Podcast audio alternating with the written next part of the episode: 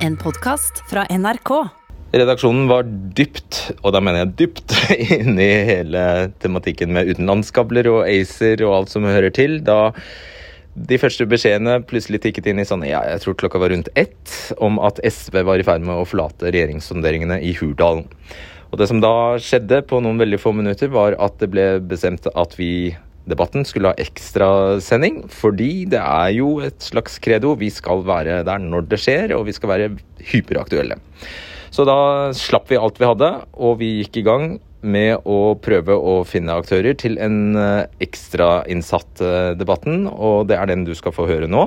Jeg vil at du eh, spisser ører spesielt til det første Audun Lysbakken snakker om, nemlig han beskriver hva det var som egentlig gjorde at de tok sin hatt og gikk. Og svaret er altså at det var Trygve Slagsvold Vedum som nærmest uh, bestemte hvordan den prosessen skulle være. Han fikk peke ut de politikkområdene som han mente det ikke skulle uh, diskuteres om.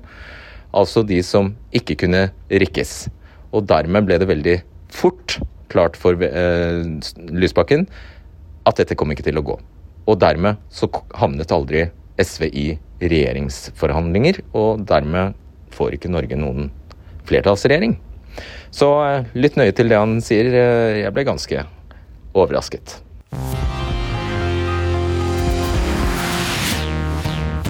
Jonas Gahr Støre har ikke sagt annet i fire år. Han ville skape en flertallsregjering med Senterpartiet og SV.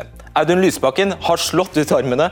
Han har sagt han sto i midten på rød-grønn side, og han kunne sitte i regjering med alle. Men så er det altså han som måtte trekke seg som statsministerkandidat, og som gikk til valg på å stenge SV ute, Trygve Slagsvold Vedum, som trakk det lengste strået. Hvordan kunne det skje? Takk for at du ser debatten på denne spesielle onsdagen. Og til å forsøke å komme nærmere et svar på 'hvordan kunne det skje?' spørsmålet, har vi politisk kommentator Hege Ulstein i Dagsavisen, politisk redaktør i Aftenposten Kjetil B. Alstaheim, vi har med oss NRKs politiske kommentator Lars Nehru Sand, og redaktør i Trønderdebatt Snorre Valen. Og velkommen til deg, Audun Lysbakken. Tusen takk. Du har allerede rukket å bryte ett løfte i dag. Du sa du skulle rett hjem til familien din? Ja, og så er jeg her hos deg istedenfor. Ja, men jeg skal rett hjem etter dette. Mange løftebrudd på deg!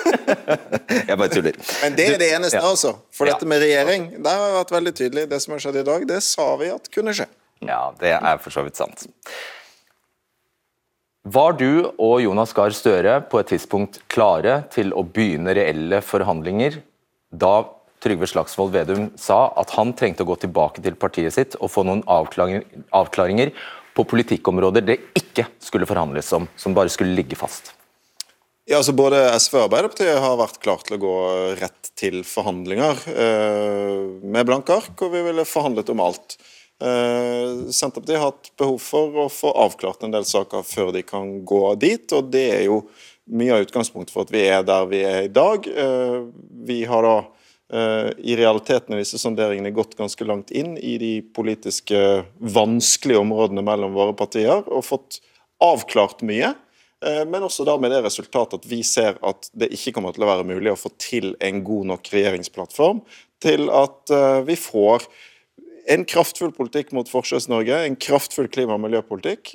Og når vi ikke kan få til det, Eh, da kan SV heller ikke gå i regjering. For da tror vi vi får til mer i Stortinget. rett og slett. Ja, men bare la, det, det, du nå sa, ja det stemmer at det var Vedum som ba om å få gå tilbake til sitt parti og gjøre disse avklaringene på et så tidlig tidspunkt som vi snakker om her, da. Før dere i det hele tatt har gått i forhandlinger. Da, når han hadde gjort det, så kom han tilbake med en liste som, gjorde, som gjorde det veldig tydelig for deg at dette kunne ikke du være med på. Ja, det, helt sånn har det ikke vært, men sonderingene har da hatt som mål å uh, komme fram til en del politiske avklaringer. og Den prosessen var det i utgangspunktet Senterpartiet som ønsket seg. Det har jo gjort at vi da har brukt veldig mye tid på å diskutere de si, vanskeligste sakene mellom våre partier, uh, og derfor er vi der.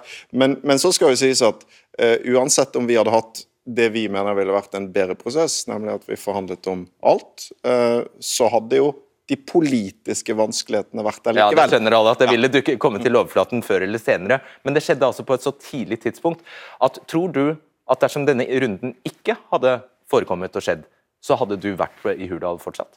Ja, Det kan nok eh, godt hende, for da hadde vi hatt en helt annen type prosess hvor vi hadde gått eh, inn i bredden. Så er spørsmålet rett og slett når hadde vi kommet til de vanskeligste sakene? Ja, men Dere hadde kommet da? i gang med forhandlinger? Da hadde vi jo kommet i gang med forhandlinger på et mye tidligere tidspunkt. Det var vårt utgangspunkt. Det ønsket vi. Og, og skylda for at dere ikke kom i gang med forhandlinger, er altså Senterpartiets? Nei, altså, Jeg har ikke tenkt å legge skyld på noen, men de hadde sitt ønske, eh, vi hadde vårt. og så er jo, sant, Skylden for at vi er der, er jo at vi ikke hadde et avklart regjeringsalternativ på forhånd. Det burde vi hatt, og det har SV sagt eh, i flere år. Men det betyr også at Jonas Gahr Støre overga kontrollen egentlig over den prosessen til Trygve Slagsvold Vedum? Nei, jeg er, ikke, jeg er, ikke, enig i den beskrivelsen. Eh, det har også vært eh, Dette er jo en utfordring som Hvorfor er du ikke enig i det? Fordi Jonas Gahr Støre også må forholde seg til den utfordringen at Senterpartiet ikke var klar til å gå i forhandlinger. Ja, Han ble stilt litt sjakkmatt? Da, Nei, men da var jo vår løsning felles, vi tre, som vi var enige om. At da, greit, da sonderer vi. Eh, så den løsningen har vi jo da eh, funnet fram til som et alternativ. Men dette kom overraskende på deg? Uh, altså, ikke at vi valgte å gå til sondering av den beslutningen. Nei, nei, selvfølgelig ikke, men du, du, det kom overraskende på deg at det så tidlig ble klart at Senterpartiet ville bare legge noen baller død. Helt død. Altså, Vi hadde foretrukket en annen måte å gjøre det ja, på. Det jo, men, altså, nei, men, jo, men, nei, men altså, det var jo det var tidlig klart at de ønsket noen avklaringer. Så har vi diskutert formen på det. Uh, det har jo også gjort at, uh, at vi har kommet dit uh, at, at de har fått en form som gjør at vi i realiteten nå har gått dypt inn i forhandlinger om de, mange av de viktigste og vanskeligste sakene. Ja, rett og slett, og Det kan jo være argumenter både for og mot, men, men, realiteten er jo at det gjør at vi har fått en avklaring som gjør at vi på det grunnlaget ser at uh, skulle vi gå til forhandlinger nå, så måtte vi akseptert veldig mye politikk vi er imot, og det kan vi ikke. I ett eksempel, helt konkret, sånn at dine egne velgere kan skjønne hva du snakker om. det gjaldt olje, har du sagt. Hva var det Senterpartiet krevde der? Jeg kommer ikke til å si hva, akkurat hva de andre partiene la inn. og det, det, handler om at vi har hatt fortrolige samtaler. Men jeg kan si noe om hva vi har vært opptatt av. Vi har vært opptatt av, vi har vært opptatt av å strekke oss. Sant? Vårt primære standpunkt er at vi skal stoppe oljeleting. Nå har vi gått inn og sett kan vi finne rimelige begrensninger hvor vi kan møtes.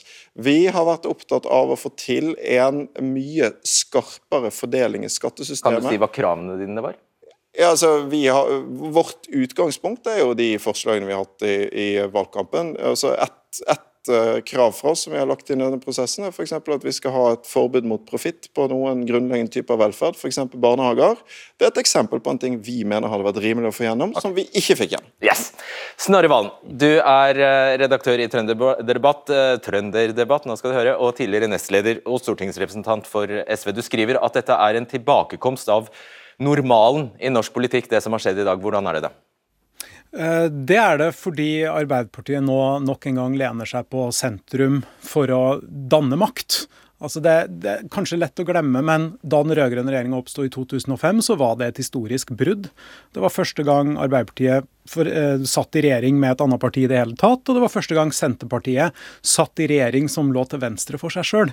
Eh, og på den måten så kan en si at det er en tilbakekomst til normalen i norsk politikk med en Arbeiderparti-Senterparti-regjering som kan hente flertall flere steder. Og det er veldig godt nytt for Senterpartiet, for over tid så er jo Senterpartiets adgang til makt den er større om ikke det her midtskillet mellom høyre og venstre på Stortinget er så viktig som det har vært de siste 16 åra. Og tilsvarende så er det jo Eh, til frustrasjon for velgerne til ikke bare SV, men også Rødt og MDG, som nå har vanskeligere for å få avgjørende innflytelse i, i norsk politikk enn, ja. om, eh, enn, om, SV hadde gått inn i regjering, tror jeg. da. For kan han ha sparket bein for seg selv Audun Lysbakken, ved å trampe ut av de, det som da ikke engang ble for, forhandlinger? Kan han nå ha stengt mulighetene i overskuelig framtid for, for, å komme, komme til makt?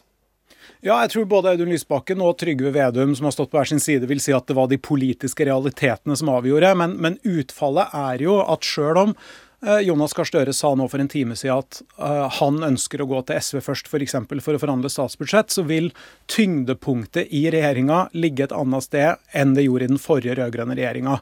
Da sier det litt seg sjøl at det gir mer sentrumsorientert politikk enn den forrige rød-grønne regjeringa. Så hvem vil du si har feilberegnet mest her? det, det, Fasit på det får vi nok først når vi ser en eventuell ferdig regjeringserklæring. For da ser vi også hvor, eh, hvor Arbeiderpartiet og Senterpartiet blir enige om å ligge. Men på meg så virker det jo som om Jonas Gahr Støre har undervurdert hvor vanskelig det ville være å samle en, en rød-grønn regjering. At SV har undervurdert eller overvurdert de andre partienes vilje til å gi i forhandlinger. Uh, men så tror jeg vel kanskje også at Eh, en av grunnene til at det her har vært så vanskelig, er nettopp fordi sakene som ligger på bordet, er én ting. Men Senterpartiet er tjent med å over tid orientere seg mot sentrum i norsk politikk. Og bryte opp nettopp den blokkdelinga som har vært så viktig de siste åra. Så uansett om SV og Senterpartiet hadde blitt enige om litt flere saker, så, så peker strategiene deres i, i ulik retning, og det kommer til uttrykk nå. Men så skriver du i dag at uh ja, du, du, spør hva skal man med tre opposisjonspartier som mer eller mindre mener akkurat det samme. Hva er svaret ditt? Selvfølgelig om SV, MDG og Rødt. Ja, altså, jeg tenker jo at det må være ganske frustrerende for, for, det som er en ganske stor velgergruppe. Som Bjørnar Moxnes påpekte tidligere i dag, så er jo SV og Rødt og MDG, og SV og Rødt alene òg, på størrelse med, om ikke større enn Senterpartiet, gikk mer fram. Men de greier ikke å opptre som en, en venstresideblokk. Så sjøl om det stortingsvalget her i stor grad også var en venstrebølge, og ikke kun en distrikts- og senterpartibølge, så, så er så er det mye lettere for Senterpartiet å veksle inn den sin bølge da, i politisk makt enn det er for venstresida. Og det, eh, det må jo være et dilemma at til høyre for Høyre så er det ett parti. Mens til venstre for Arbeiderpartiet så er det tre. Og, og det er Noe av resultatet av det ser du i dag, eh, med den regjeringsdannelsen vi nå trolig får. Og det bør jo være til ettertanke for ja, for alle tre partiledere som ligger til venstre for Arbeiderpartiet. Ja, men man gjør jo nå, veldig... inkluderer jeg MDG, da, som de vil protestere på sjøl. Ja, det vil de helt sikkert. Men, men, man kommer jo ikke så langt med ettertanke. Det må jo eh, handling til. Hva er ditt råd? Bør de slå seg sammen, Snorre Valen? Altså, Jeg er kommentator, så jeg observerer hva som kan være lurt å gjøre. og det, Jeg tror ikke jeg skal sette i gang noen prosess på vegne av noen partier.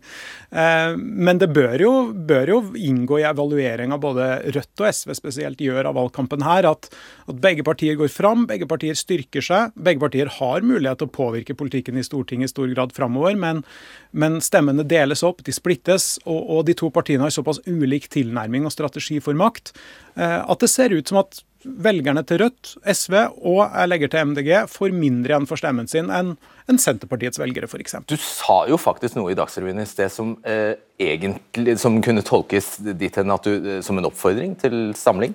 Ja, altså Til samarbeid om saker og, og det å samarbeide i Stortinget. Men det, men det, er klart at det Snorre peker på er et tankekors. Den samlede oppslutningen til SV, MDG og Rødt uh, var vel over 16% i dette valget. Altså betydelig. Du kan si Den bølgen, den progressive uh, uh, rettferdighets- og miljøbølgen i dette valget var jo kraftigere enn Senterpartiet sin. Men det som må være et grunnleggende svar på det, er jo at alle disse stemmene på et eller annet vis teller når det gjelder. For det vi ser nå, er jo at veldig mange som har hatt sterke forhåpninger til hva SV skulle få til i forhandlinger, har ikke stemt på SV. De har stemt på partier som ikke er rundt det bordet. Og Det er jo en utfordring som jeg mener er verdt å gi til Rødt og MDG, som på ulike vis på en måte ekskluderte seg sjøl fra den muligheten. Men, men, men, det jeg har sagt i dag er vi, en av de tingene vi skal gjøre i Stortinget, er å utforske muligheten til å hente økt styrke gjennom oss og bygge allianser med andre partier. Uh, og Det er jo én av de mange grunnene til at vi tror at vi, gitt at vi ikke kom lenger i regjeringsforhandlingene, kan få til mer for de som har stemt på oss i Stortinget, enn ved å eh, kan si, sitte i de lukkede rommene i, eh, i Da blir du i hvert fall hipp som happ hvem av dere tre man stemmer på, da? Nei, altså, Venstre bare blir nei, altså, en, en men, men sant, situasjonen i Stortinget i dag er SV er det største partiet, det som nå blir en, eh, den rød-grønne opposisjonen. Men vi har jo også en nøkkelrolle ingen andre i opposisjonen har i Stortinget, fordi flertallet avhenger av oss, og regjeringen har sagt at de vil komme til oss. Og den makten har vi tenkt å bruke. Jeg tror dere har 24 mandater til sammen, dere tre partiene, og så har Senterpartiet 28. Jeg tror det er tallenes tallet. Ja, og det handler jo om uh, Du får dårlig betalt når du splitter stemmene. Så det hadde jo selvfølgelig vært mye lurere hvis alle hadde stemt SV, men det er ja. jeg å si, sant? Ja. Eller MDG ville ha sagt at dere kunne lagt dere inn som et underbruk av dem, eller noe sånt. Ja, Hege Ulstein, du er kommentator i Dags, uh, Dagsavisen. Uh, vet vi noe mer om hvordan SV egentlig opplevde disse sonderingene? Ja, vi vet litt mer. Um, det var en prosess som førte til at det ble et snevrere og snevrere handlingsrom for SV underveis. Og de opplevde at mer og mer politikk ble eh, annullert, eller på en måte kvittert ut. Tatt av bordet. Tatt av bordet. Og, altså, det handler om skatt, det handler om eh, olje, det handler om klima. Og det handler eh, som han sier, om eh, profittfri velferd. og Alle disse sakene var viktige for SV. Jeg tror de skjønte hele tiden at de kunne ikke få jackpot, men de måtte ha noe. Og Til slutt så kom det til et punkt hvor alle de veggene hadde kommet så nærme at SV satt inne i et rom hvor de så at her, her kan vi ikke være. Og, og, da valgte de å bryte. Og Hva forteller det om Jonas Gahr Støres lederskap i en sånn prosess? Ja, Det er jo overraskende, syns jeg, at han eh, ikke klarte å få til dette. Jeg tror det var Martine Aurdal i Dagbladet som pekte på før forhandlingene begynte at han har klart å forhandle med Russland, Taliban og Hamas. Så eh, vi hadde jo ganske høye forventninger til han og regnet med at eh, dette er et format han behersker godt, og som han trives med, og som han bør kunne klare å få til. Han har lovet velgerne en regjering av Arbeiderpartiet, SV og Senterpartiet i veldig, veldig tydelig, og sagt at det er hans alternativ, og så klarer han det ikke. og Det er et stort nederlag for han. Er det en fiasko? Ja, altså Du kan jo bruke forskjellige ord på det, men det er helt klart at dette det, er veldig skuffende, tror jeg, for veldig mange av ikke bare, ikke bare SVs velgere, men også Arbeiderpartiets velgere, at han ikke får det til. og Hvis du ser på hvilket regjeringsalternativ som var det mest populære blant velgerne, så var det den trepartiregjeringen som vi nå ikke får. Nettopp. Kjetil B. Alstheim, du er politisk redaktør i Aftenposten. Du skriver i ettermiddag 'bedre for Vedum, bedre for Lysbakken, verre for Støre'. Ja, For Støre hadde det vært åpenbart en, en, fordel å ha en flertallsregjering. Å Få mer kontroll og stabilitet og vite hva som var, var, blir politikken. Slippe å drive og forhandle i Stortinget. Eh, for Vedum er dette opplagt bedre. Dette er den regjeringen han vil ha. Han ville, ikke, han ville ha en Arbeiderparti-Senterparti-regjering. og Det vi har sett i disse forhandlingene, er jo at eh, Senterpartiet er minst like gode forhandlere som både Taliban og Hamas. Fordi de, de, uten sammenligning for, for øvrig. Fordi, fordi de, ut fra det Lysbakken forteller her, og det Støre har fortalt eh, på pressekonferansen i kveld, så greide jo Senterpartiet da med kirurgisk presisjon å kjøre disse forhandlingene inn mot de vanskeligste sakene, som satte SV i den situasjonen. Og der, der, det er SV som går ut. Der, det fremstår ikke som om det er, det er, Senterpartiet som har kastet SV ut. Det ville vært mye vanskeligere for Vedum, fordi han ville da hatt, fått problemer med en del folk i sitt eget parti. Og så, Når det gjelder at det er bedre for Lysbakken Det er mange fordeler med å sitte i regjering. Men eh, SV opplevde sist hvordan det å være et lite parti i en regjering, det, det, er, det, veldig, det sliter på partiet. Eh, ved å være i, regjering, nei, i, i, Stortinget og forhandle om budsjett, så vil det bli synligere hvilke seire SV får. De mister den makten du har ved å sitte og kontrollere De mister litt meningen med livet da, hvis de skal sitte i Stortinget som politisk parti? Nei, de, de skal jo forhandle budsjett, og de kommer, være, de kommer, til å bli budsjettpartner. Det kommer til å bli synlig hvilke seire de får, og de får en bedre eh, De kommer til å altså Situasjonen med Rødt og MDG blir annerledes enn om de satt i regjering. for Da ville de fått uh, kritikk fra Rødt og MDG for alle kompromisser de inngår.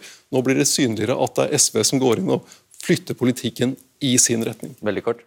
Ja, og Det er, kommer jo til å være et problem for Arbeiderpartiet, tror jeg. fordi at Det blir også da veldig synlig hva de må innrømme overfor SV. og eh, jeg forventer at det kommer til å bli en ganske stor lekkasje. Med andre ord, Det blir veldig synlig at det er SV og de ja, kanskje spesielt SV, men også de to andre partiene som trekker Arbeiderpartiet mot venstre. Ja, og Da blir jo gjennombruddene i den politikken tilskrevet en seier til uh, Lysbakken og et nederlag eller en innrømmelse fra Støre. Og Det vil sannsynligvis føre til at de lekker til venstre. Smart.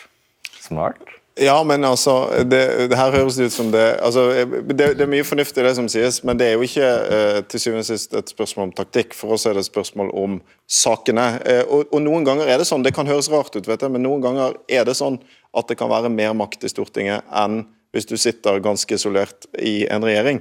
Eh, så det er jo det valget vi har gjort. Eh, og det er det valget, det vil jeg også si, det er det valget vi sa vi kom til å gjøre. Vi har helt tiden sagt vi kommer til å ta det valget som gjør at vi kan få til mest enten i regjering eller i opposisjon.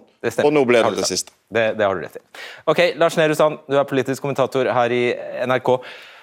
Nå fikk vi det jo bekreftet fra Audun Lysbakken at det var omtrent sånn, sånn at det som skjedde var at det var Senterpartiet som fikk lov til å peke på de sakene som var virkelig, virkelig vonde, og så måtte SV ta stilling til dem. Det er jo, hvorfor, hvorfor måtte det bli sånn?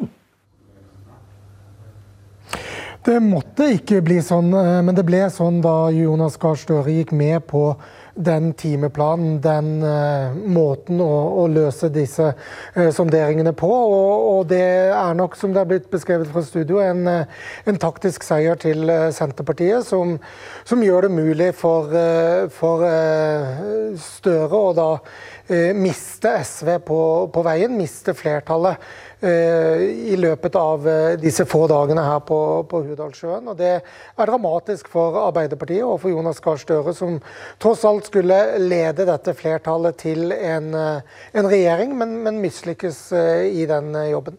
Så hvis det er en taktisk seier for Senterpartiet, så mener du det er en taktisk hva da for Arbeiderpartiet og Støre? Men dette var Støres eh, Støre er jo en forhandler og en diplomat, først og fremst. Eh, kanskje mer enn en opposisjonsleder. Dette var hans eh, mulighet til å vise frem hva han var god for i møte med de to andre partiene, som hadde litt ulik inngang til disse sonderingene, og han klarer da ikke å få en prosess som er god nok til at eh, SV føler seg hjemme i det sonderingsrommet og velger å bryte. og Det blir ingen reell forhandling om en trepartisregjering likevel, som jo var det Støre hadde ønsket seg. Når det først har endt med dette her, da, hvor sannsynlig er det at Støre helt konsekvent og hver eneste gang kun vender seg mot eh, SV for å finne budsjettstøtte og støtte for saker i Stortinget, og aldri skjener til ja, Venstre og KrF? I budsjettstøtte så tror jeg nok det er riktig at han vil gå til SV først. og Det har vi også sett eh, Erna Solberg være konsekvent på i, i møte med sine eh, partnere i Stortinget, enten det har vært SV og KrF eller, eller Frp. Eh, så det skjebnefellesskapet disse tre partiene har, det er jo eh, konstant, kan man si. Men eh, det som er spørsmålet, er jo hvor mange saker gjennom et år på Stortinget hvor det vil være forhandlinger og, og alternative flertall for en, en Ap-Senterparti-regjering. Og om de sakene er så store at det vil provosere SV tilstrekkelig til å, å kritisere regjeringen og true med å, å kaste budsjettstøtte eller ha andre budsjett Eh, gjennomslag. Statsbudsjettet gjør man kun opp med ett et flertall. Man kan ikke lenger veksle, eh, veksle der. Eh, og I tillegg til å forhandle om penger, så har man jo sett også under Erna Solberg at det er mulig for stortingspartiene å få gjennomslag for det som på stortingsspråket heter verbalforslag, hvor man ber regjeringen om å gjøre forskjellige ting som ikke nødvendigvis handler om kroner og øre, men som handler om store politiske gjennomslag Audun Lysbakken kan Eh, kan få, som, som han selv er inne på. Da vil det jo være synlig at det er SV som har fått de gjennomslagene. Og tilsvarende for Senterpartiet. Da vil det være synlig for velgerne hva Senterpartiet egentlig ville, og hva SV i hermetegn har, har ødelagt med i, i, Stortinget. Og Det var jo derfor eh, Frp var veldig fornøyd med å sitte i en mindretallsregjering med Høyre, men ikke likte eh, livet i en flertallsregjering. Så det Trygve Slagsvold Vedum har lykkes med, er å unngå å gå i Frp-fella. Men Snorre Valen, dette handler jo egentlig litt om det du var inne på eh, først her, at tyngdepunktet ligger nå i, i, i sentrum. I, disse, veldig, i disse, disse, sakene som ble så vonde for SV at de faktisk takket for, for seg. Det kan, det kan jo altså handle om skatt, det kan handle om olje, det vet vi i hvert fall. eller eller eh, leting. Vil en, en Senterparti-Arbeiderparti-regjering der rett og slett søke støtte til eh, Høyre uten å, uten å unnskylde seg? Det tør jeg ikke spekulere i ennå, men jeg vet ikke om jeg er helt enig med Alstaheim eh, og, for øvrig flere her også. Så Selv om Jonas Gahr Støre signaliserer nå at han vil gå til SV først for å snakke om statsbudsjett, så, så er jo realiteten en at tyngdepunktet i regjeringa nå ligger til høyre for Arbeiderpartiets primærstandpunkt. Og Da tilsier tyngdelovene at den nye regjeringa, om det blir en Arbeiderparti-Senterparti-regjering, vil trekkes mot KrF og Venstre i, i noen saker. For de politiske realitetene er der at de fire partiene er enige om mer i noen tilfeller enn Senterpartiet og Arbeiderpartiet er med SV. Vi fordeler ti sekunder på hver. Ja, altså, jeg, jeg, tror nok eh, den, eh, en Senterparti-Arbeiderparti-regjering i noen saker kan gå en annen vei enn til, eh, enn til Audun Lysbakken. F.eks. i oljepolitikken. Og det er klart, Der har du et solid flertall på Stortinget for fortsatt leting, hvis du regner sammen da, de to partiene og Høyre og Fremskrittspartiet. Ja, Så får vi se utover i perioden. Eh, vi må ikke glemme at Jonas Gahr Støre var villig til å forhandle med og gå i samarbeid med både Venstre og KrF før valget i 2017. Han prøvde seg på KrF i 2018. Eh, jeg tror at de holder seg til SV i høst og i starten av perioden, men utover i perioden så, tror jeg ikke vi skal utelukke så veldig mye. og Det kommer til å skape store problemer internt i Arbeiderpartiet, og ikke minst overfor LO, hvis, eh, hvis de begynner å gå den veien. Mm. Du skal få avslutte. Hvor mange, fordi Utad så skjønner jeg at du har behov for å, å, å uttrykke at stort sett alle i SV er enig i beslutningen din. da. Men uh, hvor mye murring har det egentlig vært? For det må, må egentlig være mye skuffelse? Det er selvfølgelig mye skuffelse. Jeg er jo skuffet. Men jeg har ikke registrert noe uenighet. Uh, og det er jo fordi alle i SV har vært enige om at vi skulle prøve å få til en rød-grønn regjering. Vi skulle gjøre et ordentlig, ærlig forsøk på det. Men hvis vi så at vi kan få til mer for de som har stemt på oss ved å gå i opposisjon, så var vi også enige om at vi skulle gjøre det. Og det er til og med det vi har sagt hele veien. Eh, så det vi dere sier, bare vinner, dere? Nei, men nei, altså jeg skulle jo ønske at vi hadde fått til dette. Altså Jeg ville jo virkelig ha en rød-grønn regjering. og dratt opp til Hurdal for å få til det. Så jeg er skikkelig skuffet over at vi ikke fikk til det. Men da, nå må vi skru om hodene, og så må vi gå løs på den jobben vi skal gjøre. Eh, og Da ser vi jo at vi har en så sterk posisjon i Stortinget at det er mulig å få til mye. Og de andre veiene til flertall for Arbeiderpartiet og Senterpartiet er vanskelig å bruke. Det blir i hvert fall morsommere for oss journalister. Altså, det blir det helt sikkert. Det er i hvert fall sikkert, så takk for det.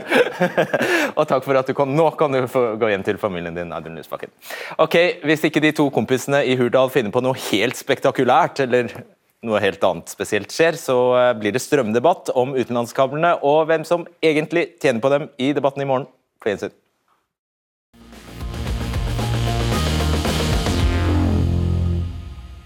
Ja, hva kommer til å skje nå? Kommer de to partiene der som er igjen i Hurdal til å finne ut av det sammen, eller kommer Arbeiderpartiet til å danne en eh, regjering alene?